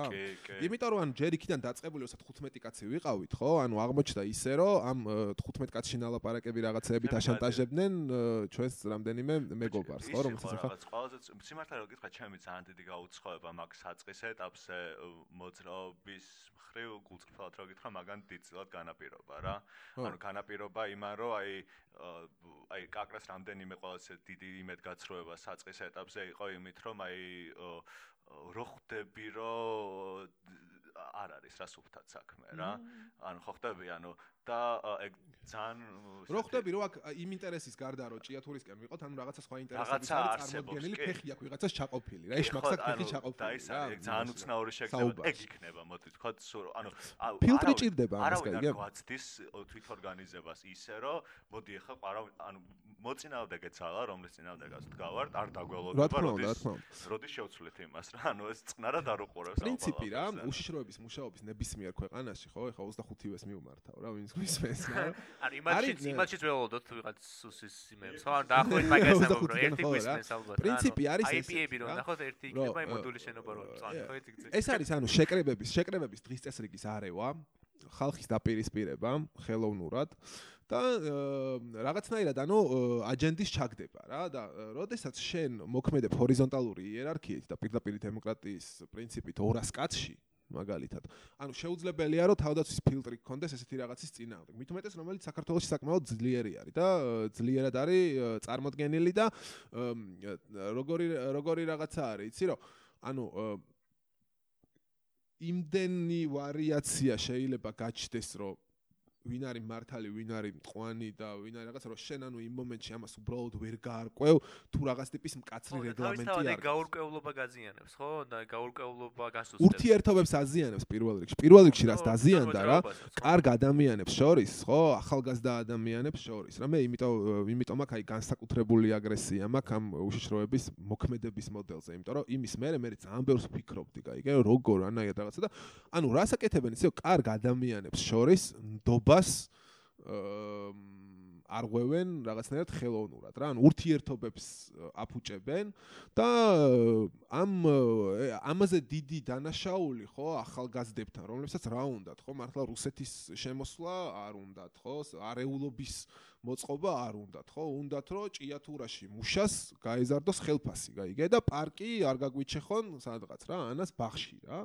და შენ ანუ ამაზე მუშაობს სტრატეგიულად რომ დაშალო, გაიგე? ეს ეს დვიჟენია რა, ასე ვთქვათ რა, რომელიც ანუ შენი мотиваცია უნდა იყოს, რომ ეს პრინციპში ეს სახელმწიფოს აძლიერებს, ხო, პირიქით რა, რომ შენ ხო სახელმწიფოს უშიშროებას იცავ, შენი შენ ხო პოლიციელი არ ხარ, ხო, შენ იცავ კონსტიტუციური წყობის აა უშიშროებას, გაიგე, უსაფრთხოებას რა და კონსტიტუციური წყობის უსაფრთხოება კონსტიტუციური წყობის სიმყარე ხო ზუსტად ამაზე დგას, რომ ჭიათურელების ხმა ისმოდეს, რომ ვიღაც დაზარალებული ადამიანების ხმა ისმოდეს და ასე შემდეგ. თუმცა მოდი თქვა, რომ ბოლო საქართველოს კონსტიტუციით ახლა ჩვენ ანტიკონსტიტუციური ჯგუფი ვართ, იმიტომ რომ კი, კი, კი, იმიტომ რომ გადასახადების გაზდა გვინდა, ხო? ჩვენ არა კონსტიტუციის გარეთ ვართ დარჩენილი. კი, კი, მაგით ეგ აქვთ ალბათ ის რა საზოგადოების ძირითადი შეთანხმების მიღმა. მიღმა ვართ, კი, კი, ესეთი აბსურდი არის ნუ აბსურდია, მე მგონია რომ ეს არის ძალმომრეობა რა, ეს არის ძალადობა, რომელსაც ჩვენც ძალადობით უნდა უპასუხოთ ადრე თუ გვიან რა. სერიოზულად ესეა რა. ანუ ხო, ანუ საინტერესო არის ხა, ბევრ საინტერესო ამბობს ყვებით მათთვის, ვინც მithumetes ხო, ანუ არის ის ეს მაგათ მოვლენების ქრონოლოგია არ იყო ჩართული ხო, მაგრამ ერთი მინდა დაუბრუნდე, არ მინდა რომ შეგაწყვეტნოთ ეს ამბავი, მაგრამ მინდა იმას დაუბრუნდეთ, რომ რო თქვი რომ ეს ახალგაზრდებზე კონცენტრირებაო არ მგონიაო რომ ცუდიაო და კაიაო რა. ანუ მეორე მხრივ ხო აშკარა არის ის რომ ამ ახალგაზრდობის ფეტიშიზაციაში იმალება ის რომ რაღაც სხვა ტიპის კოლექტიური ინტერესები არ აღიარო ან ის რომ რაღაცნაირად სხვა ვერ წარმოგიდგენია სხვა ტიპის კოლექტიური რაღაც იდენტობა ვეღარ წარმოგიდგენია არ წარმოუდგენია ამ ლიბერალურ დავშად მედია სივრცეებს ან ეშინია იმათი და იმათ მეორე მხრივ აქ საჭიროება რომ რაღაც ტიპის სუბიექტი რაღაც წარმოიდგინოს რომელიც პროგრესს მოიტანს. მაგრამ იცის რომ ეს ვერ იქნება ვერც პარტია ვერც კლასი ვერც რომელიმე ჯგუფი რომელიც ეხა არის ველზე და ამიტომ ამას აბსტრაქტულებს ამ რაღაც ახალგაზრდობის გაგებაში და ამით მე თან გადააკ მომავალზე ხო? ანუ ახალგაზრდობის არის ანუ მომავალში თავისით რაღაც შეიძლება და აი ამას ხო ეს ხვაშკად პრობლემური რამეებია. აი მე არ მგონია რომ პრობლემურია და შეგეკამათები თუ შეიძლება რა რომ აი ეხა ვკითხულობდი მაგალითად მიროსლავ როხი არის ესეთი პატარა ერების ამ ეროვნული თვითგამორკვევის ისტორია აქვს აღმოსავლეთ ევროპაში დაწერილი რა შედარებითი ანალიზი რა რაღაც იქ ჩეხები ასე შემდეგ ანუ როდესაც ხარ პატარა ერი რომელიც ცხოვრობს სხვა დიდი ერის დომინაციის ქვეშ ხო? ანუ შენი ბუნებრივი გზა ეროვნული თვითგამორკვევისკენ ეს არის მცირე ინტელექტუალურ ჯგუფებზე დგას, რომლებიც ამ ჰეგემონური განათლების სისტემის შემდეგ შიგნით ახერხებენ რაღაცაზე დაეჭვებას რა. ანუ რაღაც ტიპის ეს ამბობს რომ ეს ეს ეს ესე იყო არის ეგ ბუნებრივია თუ ერთადერთი ვარიანტია ეს ეს იყო ყველგან ანუ ეს იყო ჩეხეთში ეს იყო ფინეთში ეს იყო ლიტვაში და ეს იყო საქართველოსში ბევრჯერ მათ შორის რა ანუ მათ შორის ეს რუსიფიკაციის წინააღმდეგ და ან პატარა ერების შემთხვევაში ხო ძალიან ძალიან იმიტომ რომ ფაქტიურად ანუ საზოგადოებას ანუ გამოცლილი აქვს ინტელექტუალური რესურსი ის ცხოვრობს უცხო ქვეყნის ჰეგემონიის ქვეშ დიდი ხნის განმავლობაში და ძალიან მნიშვნელოვან როლს ასრულებს აი ესეთი პატრიოტული ინტელიგენცია, რომელიც უმცირესობაში არის არსებული განათლების სისტემის შიგნით, რა. ანუ ქართველებსაც ანუ რადგან მათი ისტორიიდან გამომდინარე, ხო, ჩვენი ისტორიიდან გამომდინარე, ხო, ჩვენ რო დავაკვირდეთ ანუ თერგდალეულებიდან დაწყებული, ჩვენ შეგვიძლია რომ ჩვენი ყველა შემდეგი ინტელიგენცია, რომელიც ხალხს გაუძღვა წინ, მოვიაზროთ ესე. ხო? რომ ხო, მაგრამ ხონე გავაკეთეთ კიდევაც ეგ ინტელიგენცია. კი, რა თქმა უნდა. ანუ ეგრო, ანუ ერთია რომ თქვა რომ ეგრე იყო და მეორეა რომ თქვა რომ ეგრეც უნდა იყოს დღეიდან. და მე არ არ შეგეწინააღმდეგებოდი იმაში რომ ეგრე იყო ადრე და ამ პატარ-პატარა სივრცეები იყო ერთადერთი და ეს ინტელიგენცი რაღაც ემანსიპატორულ როლს თუ პროგრესულ როლს ასრულებდნენ ეს რაღაც მცი რაღაც პატარ-პატარა ჯგუფები მათ შორის ინტელექტუალები რომლებიც ამის შემდეგ ანუ მუშათა კლასზე და გლეხობაზე და ასე შემდეგ ანუ გავლენას აი ნახე როგორ რაღაცა გავლენა კი ქონდათ მაგრამ ეს ისტორიას რომ ანუ აქედან მომავლისკენ რაღაც უკეთესობისკენ ცვლილებად რამდენად უნდა წარმოვიდგინოთ იგივე მოდელით. უბრალოდ მაგას ვიზახი რომ ანუ პრობლემური ხო რომ იგივენად წარმოვიდგენ ეხაც აქედან ცვლილებების მოთხოვნას. არა რაღაც და აპრიორი ფაქტიურად გადიხარ უკვე ამ ლიბერალური შედიხარ, იმიტომ რომ არა, აი ნახე კაკაოს მოედნან კაკაოს რა რაში არის განსხვავება რა? ლაპარაკობთ რომ არის მისო იმათი ხმაო რა. ანუ თუ ხვდები მე მეთქონა ის მოდეს რაღაც ეგ ხო ეცინააღმდეგება ცოტა ამ მოდულის ცვლილების რომელიც მოდის რაღაც მცირე ჯგუფებიდან და რაღაც რა აი უფრო დეტალურად რო ვთქვა რა რაზე არის აქ საუბარი რა?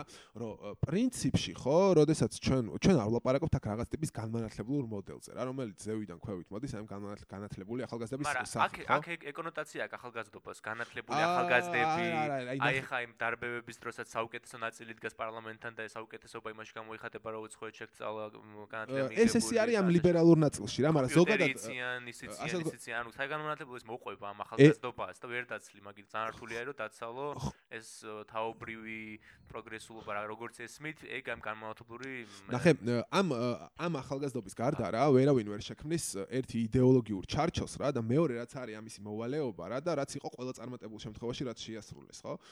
სხვა სხვა ქვეყნებში, პატარა ერებში, რომლებმაც ანუ რაღაცა წარმატების მიღწევა მოახერხეს. არის რომ ისინი ქმნიან ქმნიან რაღაც ტიპის წარმომადგენლობით ინსტიტუტს, წარმომადგენლობით სისტემას, რომელშიც მე შეიძლება გლეხობა იყოს უმრავლესობაში. ხო ხვდები? ანუ ეს წარმომადგენლობით ინსტიტუტი არის თავისი ფილტრებით, ამას აქვს თავისი ევოლუციის ფაზები და პრინციპში ანუ შენ თუ არ შექმენი ანუ რაღაცა ეგეთი პროდუქტი რა, რომელიც ანუ ამათ წარმომადგენლობის საშუალებას მისცემს, ანუ ეს ხალხი თავისით ვერ ორგანიზდება. ამ ხალხის ორგანიზების საშუალება, ანუ უბრალოდ არის მართლა ზღაპარი არის, რომ თავისით ორგანიზდება ეს ხალხი რა. ანუ სადმე შეიძლება რომ მე ისიც ცოტა მეზღაპრება, რომ ეს ხალხი შექმნის წარმომადგენლობ, კი არ მეზღაპრება, მე ლიბერალურება, მაგ ტიპის სუბიექტურობა, სადაც რომელიც წარმომადგენლობითია, რომ ქვეყანაში იყო ეგეთი, რომ რაღაც პატარა ინტელექტუალმა ჯგუფმა გააკეთა ორგანიზაცია, სადაც გლეხებმა მე ტეიქოვერი გააკეთეს და გლეხების სუბიექტურობა ხო, აი ნახე, ყველა პატარა ერში, აღმოსავლეთ ევროპის ყველა პატარა ერში კოლონიური ქვეყნების კოლონიზებული ქვეყნების აქეთ სამხრეთში მდებარე ქვეყნების თითქმის ყველგან ერთი მოდელი იყო ძირითადად და ანუ რა ვიცი თითქმის ყველგან რა სადაც ეს მომხდარა რა. ანუ ჩვენი ცირა არის ჩვენ ცოტა გვაქვს კომპლექტ მე მგონია რომ აი ეს თანამედროვე მემარცხენეობა რა ცოტა აი ამ თავისი პრივილეგიების მუდმივ გადასინჯვაში რა საკუთარი პრივილეგიები უნდა გადასინჯოს სულ მე რამდენი პრივილეგია მაქვს ეს მაქვს რაღაცა თვით და კომპლექსების გზას დაადგა გაიგე და საკუთარი ანუ ისტორიული როლი ამ პრივილეგიების ზომვის პროცესში ცოტა ეკარგება რა რომ შენ ანუ ხარ ეს და ეს რა ანუ შენ მუშაობ რაღაცა ინტელექტუალურ პროდუქტთან ხო? და ყველა კონკრეტულ სიტუაციაში ხა ფანონიდან დაწყებული და იმით დამთავრებული რომ დაიწყო რაღაც მემარჯვენე ეროვნული განთავისუფლების მოძრაობით იმაში რა ქვია სადმე სიტყვაზე ფინეთში ან რაღაცა რა. ანუ ამ ფენას ანუ თავისი ფუნქცია ქონდა რა უბრალოდ. კი, მაგრამ დღეს ახლა ხო, აი გასაგებია რაღაცა ალჟირებში და რაღაცებში ანტიკოლონიალურ მოძრაობებს ხშირად მართლა სტუდენტური ის ამოძრავებდა, რა ქვია, ძრავა თუ სენტიმენტი თუ რაღაც სტუდენტური ქსელები, ამოძრავებდა თუ არა დიდ როლს ამაშობდა რა. მაგრამ ახლა აქ რაც არის, აი ჩვენთან რაც არის ეს ახალგაზრდობის ეს ლიბერალური ფეტიშიზაცია. მაგაში რამდენად ხედავ რაღაც იმ იმ სუბიექტურობას რაც სტუდენტებს ჰქონდათ რაღაც ანტიკოლონიალურ სამხრეთში რა ხო ხდება მაგაში. მე არ ვიცი რა შეუძლებელია რომ სტუდენტებმა რამე როლი შეასრულონ ან რაღაც პატარა ინტელექტუალურ სივრცეებმა, მაგრამ ჩვენთან რაც არის ახალგაზრდობის ფეტიშიზაცია არის ძალიან კონკრეტული ფორმა არის და აშკარად ძალიან პრობლემური ფორმა არის. არსებობს იცი როგორი რაღაც არსებობს ჩემი აზრით, ანუ ორ რაღაცას გავაცალკევებდი რა, ორ რაღაცას გავაცალკევებდი. ერთი არის აი ეს ლიბერალური ახალგაზრდობის ფეტიში და რაღაცა, რომელიც მოდის აი ამ ჰეგემონური სისტემიდან და მეორე არის რაღაცნაირი პატარა ერის რეფლექსი, ხო? პატარა ერის რეფლექსი, რომ კონდეს იმედი საკუთარი განათლებული ახალგაზრდობის, რომელიც შეიძლება კონსერვატიული იყოს და ლიბერალებთან არანაირი კავშირი არ კონდეს რა. ანუ იცი რატო? იმიტომ რომ ეს უბრალოდ ესე არის და სხვანაირ მაგალითს ხო, ეხა თუნდაც ესპანეთში, ამაში, იმაში მიმდინარე მოვლენების ვერ მოვიყვანთ რა, რომ საბოლოო ჯამში ეს არის სინთეზი რაღაც ტიპის განათლებული დაეჭვების შედეგად შექმნილი ინტელიგენციის, ანუ განათლების სისტემის შიგნით რომლებიც დაეჭვნენ და გადაწყვიტეს რომ თავისი ინსტიტუციების შექმნან ან თავისი ორგანიზაციების შექმნან, თავის საინფორმაციო ველის შექმნან და მეორე მხრივ მუშათა კლასის და გლეხობის რა და რაღაცა ამ და მაგრამ მანდ არის ორი რაღაც რა კიდე რას რაც რაც მე მგონი კაიქნება რა დავამატოთ. პირველი რაც არის რომ ესეთი ფეტიშიზაცია ახალგაზრდობის, თუნდაც ასეთ პატარა ქვეყნებში პასუხისგებლობისგან ათავისუფლებს ძალიან ბევრი ეჭგუბს, რომელიც არ უნდა გათავისუფლდეს პასუხისგებლობისგან, მათ შორის establishments, მათ შორის თუნდაც იგივე ლიბერალურ ელიტას, მათ შორის თუნდაც იგივე მემარცხენე establishments, რომელიც უკვე არის in-rooted პოლიტიკურ სისტემაში და ასე შემდეგ. ძირითადად არის ხოლმე ეს ამბის აი თუნდაც უკითხულობ ხოლმე მე ახალგაზრდების ხარდაჭერის პოსტებს, ძირითადად არის ხოლმე რომ აი ჩვენ თაობას არაფერი ეშველება, ხო? აი ჩვენმა თაობამ არაფერი გააკეთა. ეს ძალიან არასწორია, იმიტომ რომ ადამიანები, რომლებიც ახლა არიან 45-50 წლის, ზუსტად ისინი უნდა იყვნენ საზოგადოებრივი ცხოვრების ავანგარდზე, მათ უნდა ქონდეთ ზუსტად იმდენი გამოცდილება, რომ ამ გამოცდილებას ეს გამოცდილება ქმნიდნენ, ასე ვთქვათ, იდეალურ ვარიანტს. კი, და მეორე მხარეს, ანუ ეს პატარა პატარა ქვეყანას რო თავი დავანებოთ ამ შემთხვევაში, ხო დავიღოთ მაგალითად ამერიკა, ხო, ამერიკული ამერიკული ამერიკის არჩევნები ახლა რას გვაჩვენებს, ხო, 78 წლის თუ 80 წლის არის ბერნი, ხო? ანუ ხარდაჭერას რითაც პაულობს ეს ადამიანი ყველაზე მეტად არის მისი გამოცდილება, მისი ისტორია. ანუ შრომელი კლასი პირველ რიგში მაგრამ მისი ბიუროკრატია ახალგაზრდობაზე დგას ეს თქვა. კი, კი, ეს რა თქმა უნდა, მაგრამ ამ ყველაფრის სახე არის ტიპი, რომელსაც რომელსაც არ შეგიძლია თქვა რომ ამ ტიპმა სადმე გაყიდა ამ ტიპმა სადმე ჩაეჯვა ამ ტიპმა სადმე უკან დასათნა რა. ანუ ეს ისტორია მისი გამოსილება არის მისი ყველაზე დიდი სიმდიდრე ასე გამოვიდა საბოლოო ჯამში იმიტომ რომ ის წინავდეთ განა ტიპები რომლებსაც აქვს ძალიან ბევრი ფული ძალიან ბევრი ეს ძალიან ბევრი ის. მაგრამ ამ შემთხვევაში არის ტიპი რომელსაც აქვს რაღაც 30 წელი რასაც ამბობს რასაც ამბობდა რასაც უჭერდა მხარს ის ყველაფერი არ შეუცვლია რა. ანუ 30 წლის განმავლობაში არის ერთი ზუსტად ერთნაირად პროგრესული. არის მშრომელი ხალხის ხარდამჭერი არის ასე ვთქვათ თვითგამორ მოყავის ხარდამჭერი და ასე შემდეგ, ხო? ანუ ახლა მე მგონი აი 21 საუკუნეში განსაკუთრებით, როდესაც აი აი პერიოდში, რომელსაც მოდ დავარქოთ ისე გვიანი კაპიტალიზმი, ხო? ანუ გვიანი კაპიტალიზმის პერიოდში, როცა ლიბერალურმა დემოკრატიამ მიგვიყვანა იქამდე, რომ უთანასწორობის არანორმალური მარჯინები მივიღეთ, შეიძლება უკვე დროა ვიფიქროთ ამ შიფტზე, ახალგაზრდების ფეტიშის მიმართ შიფტზე. შეიძლება ვიფიქროთ იმაზე, რომ ძალიან გჭირდება ადამიანები, მათ შორის გამოცდილი, ცხოვრებისეულად გამოცდილი ადამიანები, და ძალიან გჭირდება რომ ამ ადამიანებს ვენდობოდეთ. კი, კი, რა თქმა უნდა, მაგრამ ნახე ისევ და ისევ რა. ერთი მე არ მგონია, რომ აი შეიძლება სამოფიხარო ახალგაზრდობის იმედი გვაქვს ახალგაზრდას. ეს მე არ მგონია, რომ რაღაც ტიპის ყალბი ცნობიერების ან რაღაცა იდეოლოგიური ის არის, რა ქვია რა, გამრუდება რა. იმიტომ რატო აი რა რატო რა? იმიტომ რომ ანუ ამ ხალხ ხმა ძალიან ჩოტკად იცის ჩვენი მშობლების თაობამ, რომ ისინი არიან დამარცხებული თაობა. დამარცხებული არიან ომში, დამარცხებული არიან სოციალურ ბრძოლაში, ამ ხალხის წინააღმდეგ, ვინც მათი ანაბრები მიიტაცა და მათი ცხოვრება მიიტაცა, იმიტომ რომ როგორ მოუწია ხო ამ ხალხს ცხოვრება, რომ ერთხელში ხმალი ეჭირა და მეორეში ეჭირა ბავშვი, ხო, რომელიც უნდა გაეზარდა ფაქტიურად, ანუ არ არსებულ და შეუძლებელ იმაში, რა ქვია, სოციალურ კონდიციებში რა. და მე მგონია რომ ეს სწორი რეფლექსი არის ანუ ოღონდ ისევ განმაცალკევებ რა ამ ორ რაღაცას. შენ ხარაც აღწერე მე ეს არ მგონია რომ მაინც და მაინც ლიბერალური არის და ლიბერალური იმიდან მოდის რა რომ აი ეს თაობა უნდა ჩაირეცხოს და ჩვენ უნდა შევცვალოთ რაღაცა თაობა სანამ არ შეიცვლება არაფერი არ გვეშველება და ასე შემდეგ რა. მე მგონია რომ დამაკავშირებელ ფუნქციას ხო ესეთ ახალგაზრდა ინტელიგენციაზე მეტად სოციოლოგიურად ახალგაზრდა ინტელიგენციად კლასიფიცირდება ალბათ ეს ხალხი. ანუ ვერავინ ვერ შეასრულებს რა. თვითონ ის თაობა, ხო?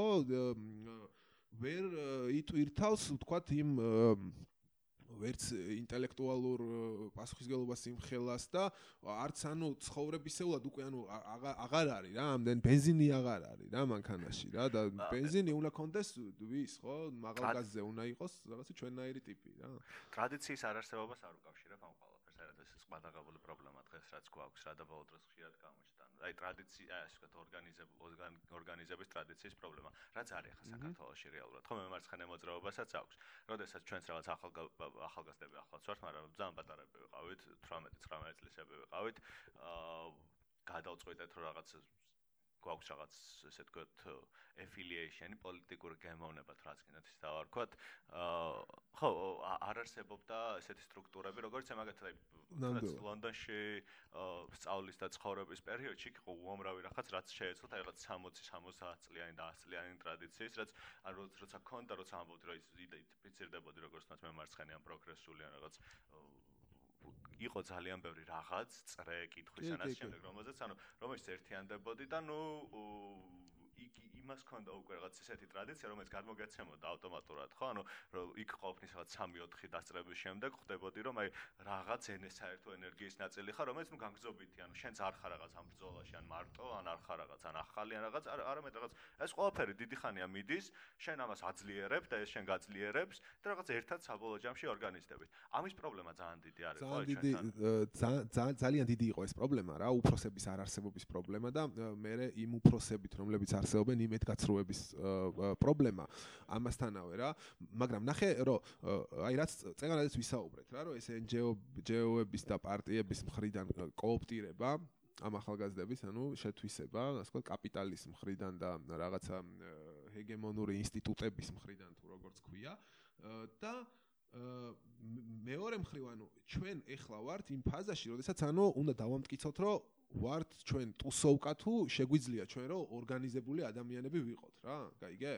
ანუ და ეს ფაზა ანუ დროულად არის დამდგარი, ხო? ჩვენ ასაკობრივადაც რო შეხედო, ესეც რო შეხედო იმ გამოცდილებითაც რო შეხედო ბრძოლის და ჭიდაობის და რაღაცა იმედგაცრუებების და ამისი ყურების ამ ყველაფრის, ხო?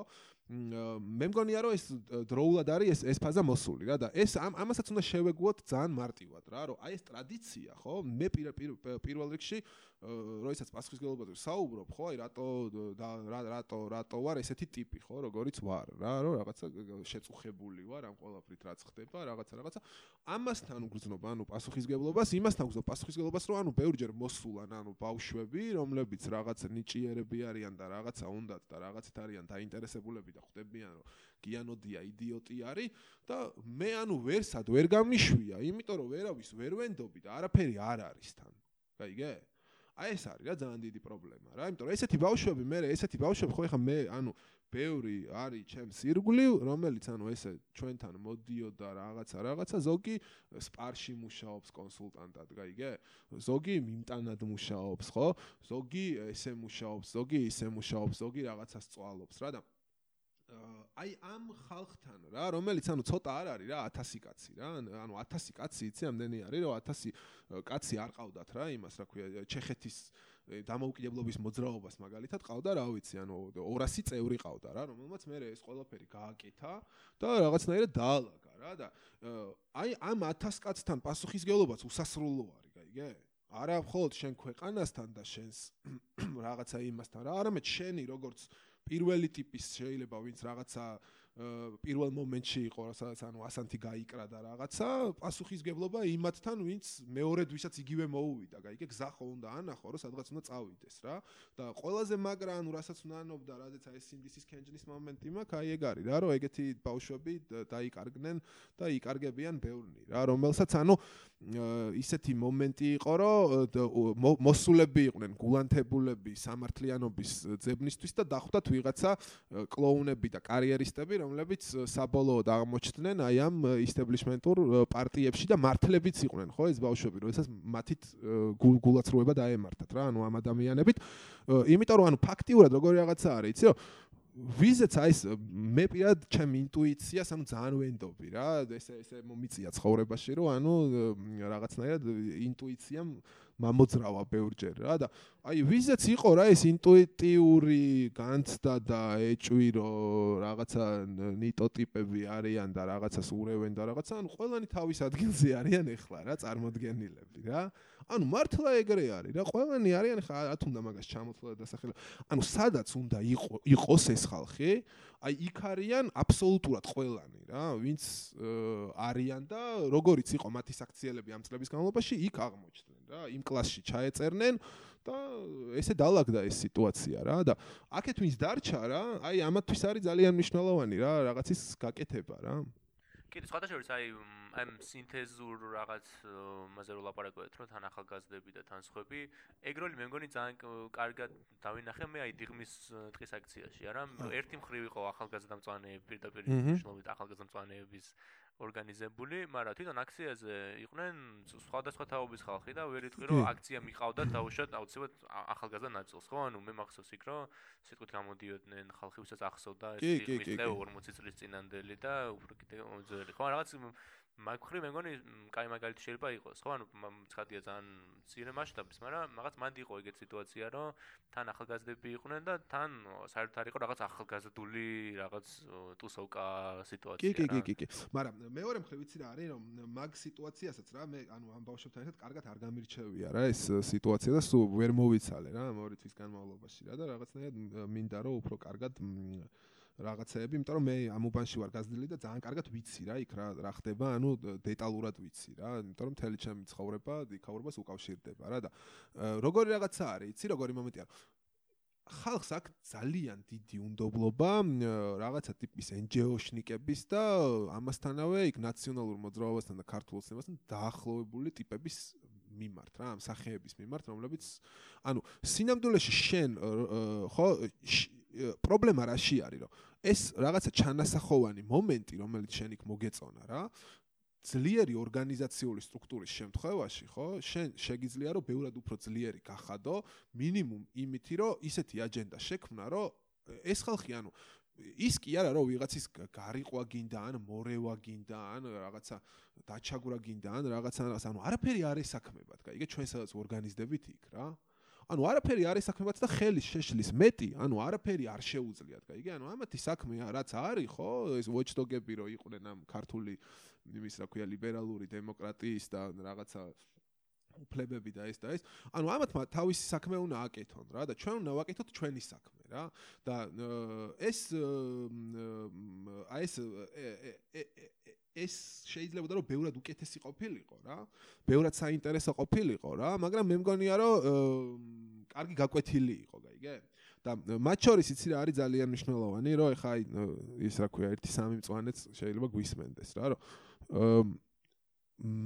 პირადად ჩემთვისაც ხო და საერთოდ ანუ ჩვენთვისაც ანუ ეგეთი ის უნდა იყოს რა, რომ როდესაც ანუ ეს ბავშვები არიან ხო რაღაცა ამბიციური ბავშვები ხო რომ უნდათ რომ რაღაცა გააკეთონ კარგი ბავშვები თან რა გულანთებული რაღაცა რაღაცა რა.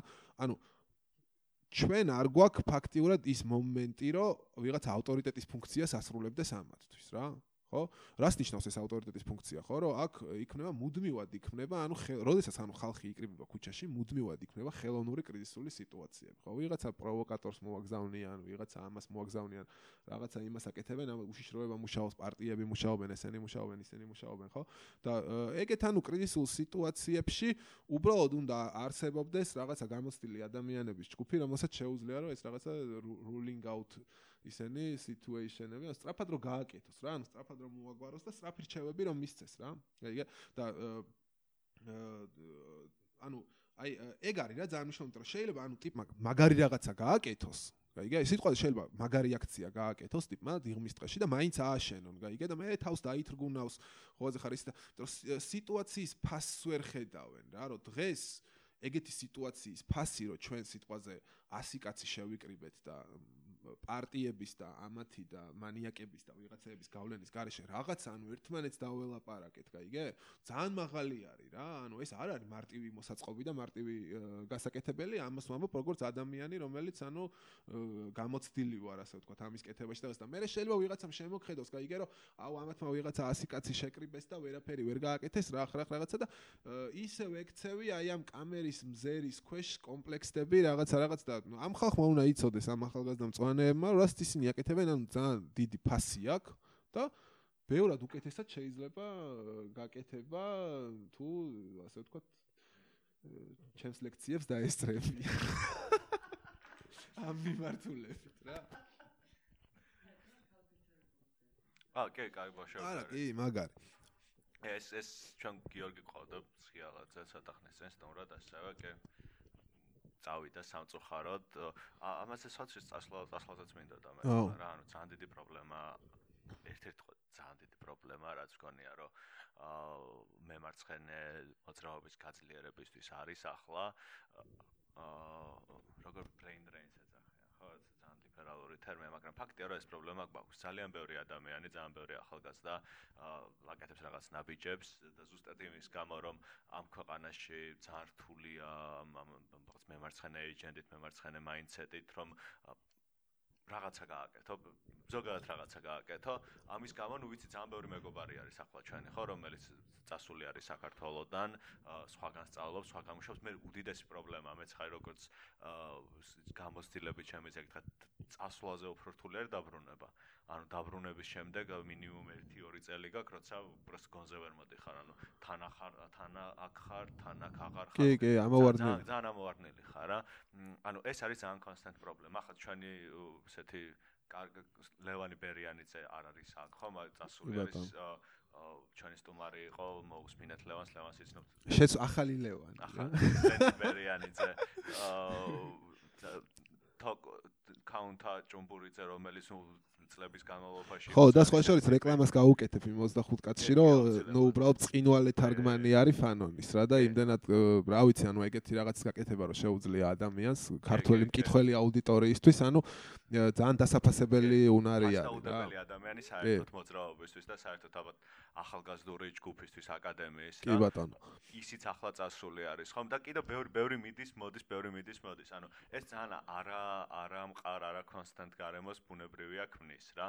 ანუ უტოვებს ადგილს იმა twins, ну, ან ან რჩებიან ისეთი ღირსეული მარგინალები, როგორც ბატონი გიორგი აქ. ყოველთვის ამაგრებენ აქ ground. ხო არა, მე სიმართლე რო თქვა, რაღაცნაირად აი იცი რა არის მე ანუ პრინციპში ანუ აქ ცხოვრებისკენ ვარ მოწოდებული და თან რაც რამდენჯერაც აღმოჩნდი ამ დასავლურ აკადემიაში ანუ ისე ვერ მოვიხიბლე რომ მინდოდეს რომ სიტყვაზე 1 და 2 წელი გავატარო იქ რა ანუ ვერ მაგრამ ანუ მესმის იმ ადამიანების კი მესმის კი არა ანუ იმ ხელა სოციალური სტრესი არის და იმ ხელა უბედურება ტრიალებს იგლო რაღაცა უნარები თუ არ გაქვს და რაღაც ის თუ არ შეგიძლია პროსტა ვერ იცხოვრებ რა და როცა შეთავაზობენ რომ იქ კამპუსში წახვიდე რაღაც რას მაგრამ ასწორებს მაგრად გაიგე იმიტომ რომ ესენ ჩვენი კადრები არიან არ იცი შენ. არა არა არა არა მაუწყდება მაგრამ რას ვაფიცი დღეს დღეს მოძრაობისთვის რა საკმაოდ რთული არის ასეთ რაღაც турბულენტურნია დაგზაყოფნა. არ არსებობს და იმიტომ რომ არსებობდეს ანუ ცენტრი ნახე ძალიან მარტივად მე წარმომიდგენია ანუ ამ ხალხის ფუნქცია რა იმიტომ რომ ესას ცენტრი არსებობს იმას რაღაცა კვლევითი მიმართულებაც ხო უნდა კონდეს ხო?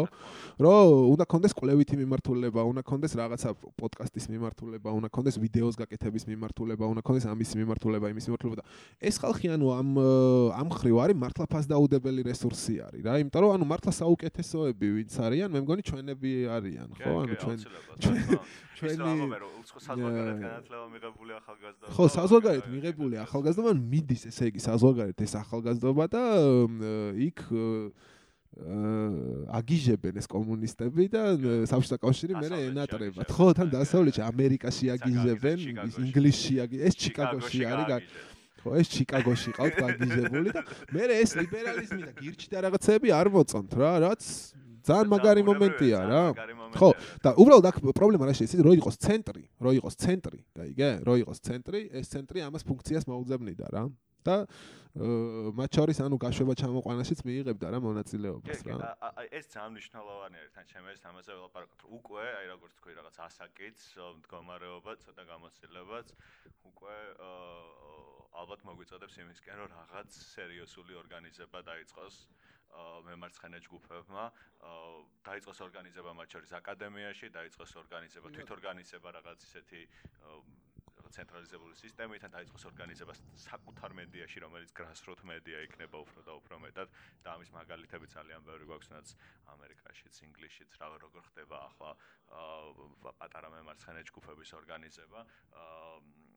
ეს ახლა ალბათ არის ძალიან მნიშვნელოვანი და აუცილებელი, რომ რაც შეიძლება მეტად დავკავშირდეთ, ვიმუშაოთ ყველა ჩვენი ყველა ჩვენი კუთხით გავიდეთ და საბოლოო ჯამში ისე გამოვიდეს რომ აი ბიჭებს რითი ეხმარება და რითი შემიძლიაო ანუ ეგრო ეგრო ეგრო გავაკეთოთ ტორტები ვჭამოთ ყველაფერი რა. მაგრამ ხო ძალიან მნიშვნელოვანია უკვე იმიტომ რომ ალბათ აი პირველი ეს გამოცდილებები რაც ხო მაინც რაც შეჯამების კანონზე ლაბორატორია იყო დიდი ჯგუფი.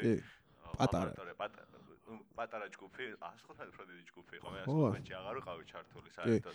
დიდი მაგრამ უფრო ფრაგმენტირებული და უკვე უფრო მეტი აი ამ იმის ქვეშ რა. უფრო უფრო უფრო მეტი ზეწოლის ქვეშ რა. ლაბორატორია ძალიან ისეთი ლაბორატორია ჩემი ძალიან საყარელი რამდენიმე წელი იყო იმიტომ რომ ისეთი გულწრფელი აფეთქება იყო რა ჩვენ არაფრიდან გამოწვეული აფეთქება იყო თან დარწმუნებული მეორე არელო და მაგრამ იყო რაღაც ისეთი ძალიან ისეთი ახალგაზრდების ძალიან გულწრფელი პროტესტი ძალიან გულწრფელი აფეთქება ბევრი აქცია იყო ბევრი ისეთი ბევრი რამეს მიაღწია ამ ორგანიზაციამ თქვა რომ საფუძველი დაუდო რაღაც იმას რომ პატარა ტრადიცია შეექმნა და ეჩვენებინა ხალხისთვის რომ შესაძლებელია ეს სტუდენტები გაერთიანდნენ უნივერსიტეტში და მე რაღაცებს მოითხოვენ რაღაცებს მიაღწიონ კიდეც. ამის შემდეგ იყო 115 არ ვიცი შემდეგ აი თეთრი ხმაური გაკავს მაგალითად კი კი რაღაცა პონჩი რაღაცა პონჩი გამყავს გამყავს როგორ იცი ოღონდ რო აი კი რა რაღაცა პონჩი ანუ მე ანუ სიმართლე რო ვთქვა ანუ მე აქ საერთოდ აღარ ცხოვრობდი უკვე ანუ ლონდონში ვიყავი, ამიტომ მე ძალიან ცოტა შემიძლია ველაპარაკო ამაზე თუ შეგვიძლია, შეგიძლია რა მოგვითხრა. აა იცი რა არის რომ მანდ მანდ იყო ანუ ეგეთი ეგეთი სიტუაცია იყო რომ ანუ მასშტაბები ანუ ძალიან დიდი იყო და ანუ პრინციპში აი და სულ პანიკური სიტუაცია იყო თან რა და ძალიან მესმის რა ამ ხალხის რა ვინც უფრო ჩართული იყო იმიტომ რომ მე პირადად გამოვეთიში ანუ მას მას შემდეგ რაც მივხვდი რომ ანუ ეს რაღაცა იდენტობის ჯგუფად შეიძლება გადაიქცეს და რაღაცნაირად ამისი ნერვები და ის აღარ მეყო ანუ ამ სიტუაციაში ჭიდაობის ვიღაც NGO-შნიკებთან და კლოუნებთან. და აა ამ ამას ანუ ეს დადებითი მუხტი რაღაცნაირად რა რაღაცნაირად ანუ ეგეც გამოსაყენებელი არის ჩემი აზრით რა. მათ შორის ანუ ასახსნელი არის ამისი პლუსები და მინუსები რა. მაგრამ ყოველი შემთხვევაში ანუ მე არ ვიტყოდი რომ ეს იყო ანუ აი რა ვიცი შეიძლება ჩემგან ვიღაცა ცოტა უცნაურად მოხდა მაგრამ მე არ ვიტყოდი რომ ეს რაღაცა მაინც და მაინც ბოლომდე ლიბერალური და ბევრი რამით იყო ძალიან მემარცხენე ჯგუფი რა ანუ კრასრო ჯგუფი იყო. ხო მაგრამ აი ნახე ერთი რაღაცა უნდა გაიგოს ამ ხალხმა რა რომ ბიჭო ეს ეს ხალხი ანუ ძალიან გატაცებული არის. არ მხოლოდ თეთრი ხმაურის იმაზე გულისხმობ აი ხა Facebook-იც რო გავაკეთე ამათ რო რო ვადევნებ რაღაც ამ დისკუსიებს თვალყურს და რაღაცა. არის ამ რაღაცა ბოდრი არის და სიმულაციები და ეს ის და რაღაც და რაღაცა რა. ანუ მემარცხენე იდეა საქართველოსში არის რა რაღაცა ტიპის იდეა რომლის ანუ გაფეიქებაც არის შეუძლებელი რა სამწუხაროდ რა. ანუ ამის სიმულაციას ხო სამწუხაროდ არა საბედნიეროდ რა. ამის სიმულაციას ვერანაირი ფულით ვერანაირი მასკარადით ვერანაირი იმითი ვერანაირი ამითი ვერ გააკეთებ იმიტომ რომ ფაქტი არის მწარე და ფაქტი არის მაგიდაზე რა რომ 4 კაცი ვზივართ სიტყვაზე ოთახში ხო მაგიდაზე დევს 100 ლარი, ეს 100 ლარი ერთმა ჩაიდო ჯიბეში და მე ჩალიჩობს რომ ჩვენ ჩვენი ექსპლუატირება მოახდინოს, ჩვენი დაზომბება და ასე შემდეგ. ანუ მემარცხენე იდეა ეფუძნება ძალიან მარტივ რაღაცას, რომ ეს 100 ლარი ამას უნდა წავართოთ. რაიგე? და ამ ამან დაგვიფინანსოს ჩვენ თავისი ჯიბიდან. რაიგე? რომ ჩვენ ამას ფული წავართვათ, ხო?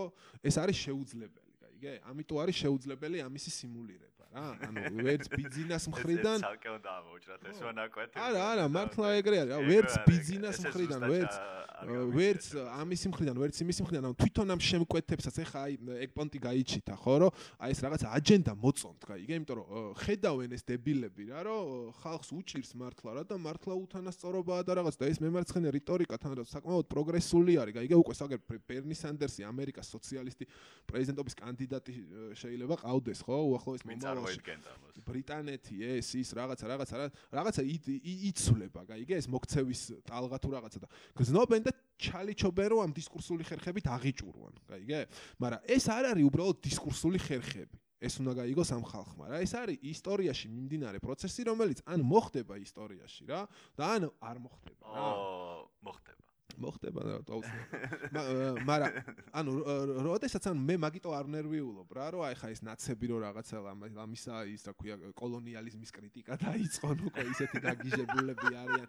აქედან ქართული ოცნება რაღაცა იმას აკრიტიკებს, რა ქვია, რას აკრიტიკებს იმას, რა ქვია, ლიბერალურ იმას, რა ქვია, NGO სექტორს და იდენტობის პოლიტიკას და ასე შემდეგ და ეს შეიძლება მათი შეიარაღების ნაწილი რაღაცა მომენტში გახდეს, რომ მოიგერიონ იღებენ ვიღაცები, ან ვიღაცას ეხმალაონ, მაგრამ ეს არ იქნება რეალური ძალაუფლებისთვის და კაპიტალისტვის ბრძოლის პროცესი რა. იმიტომ რომ ანუ შეუძლებელია რომ ვისაც ძალაუფლება აქვს, იმან შეუკვეთოს რომ მოდი ახლა მე წამართვით ძალაუფლება და ის იმიტომ რომ ესე იგი მაშინ არ ესმის როგორი მტკივნეული იქნება ეს მისთვის, როდესაც ძალაუფლებას და კაპიტალს წაართმევენ. ეს ძალიან მომგებიან სიტუაციაში გვაყენებს რა. ეხლა ჩემთანაც რომ მილაპარაკია ვიღაცეებთან, რიგით დებილებთან, ხო?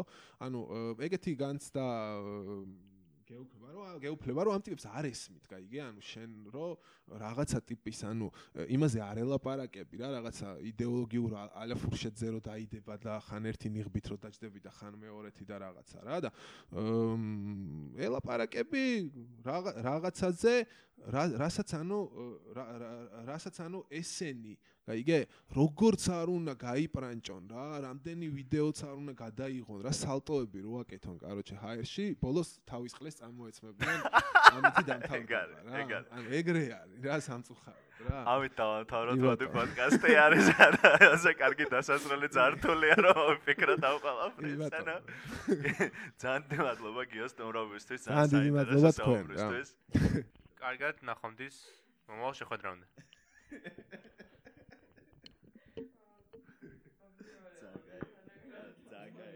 ეგრე ეგრე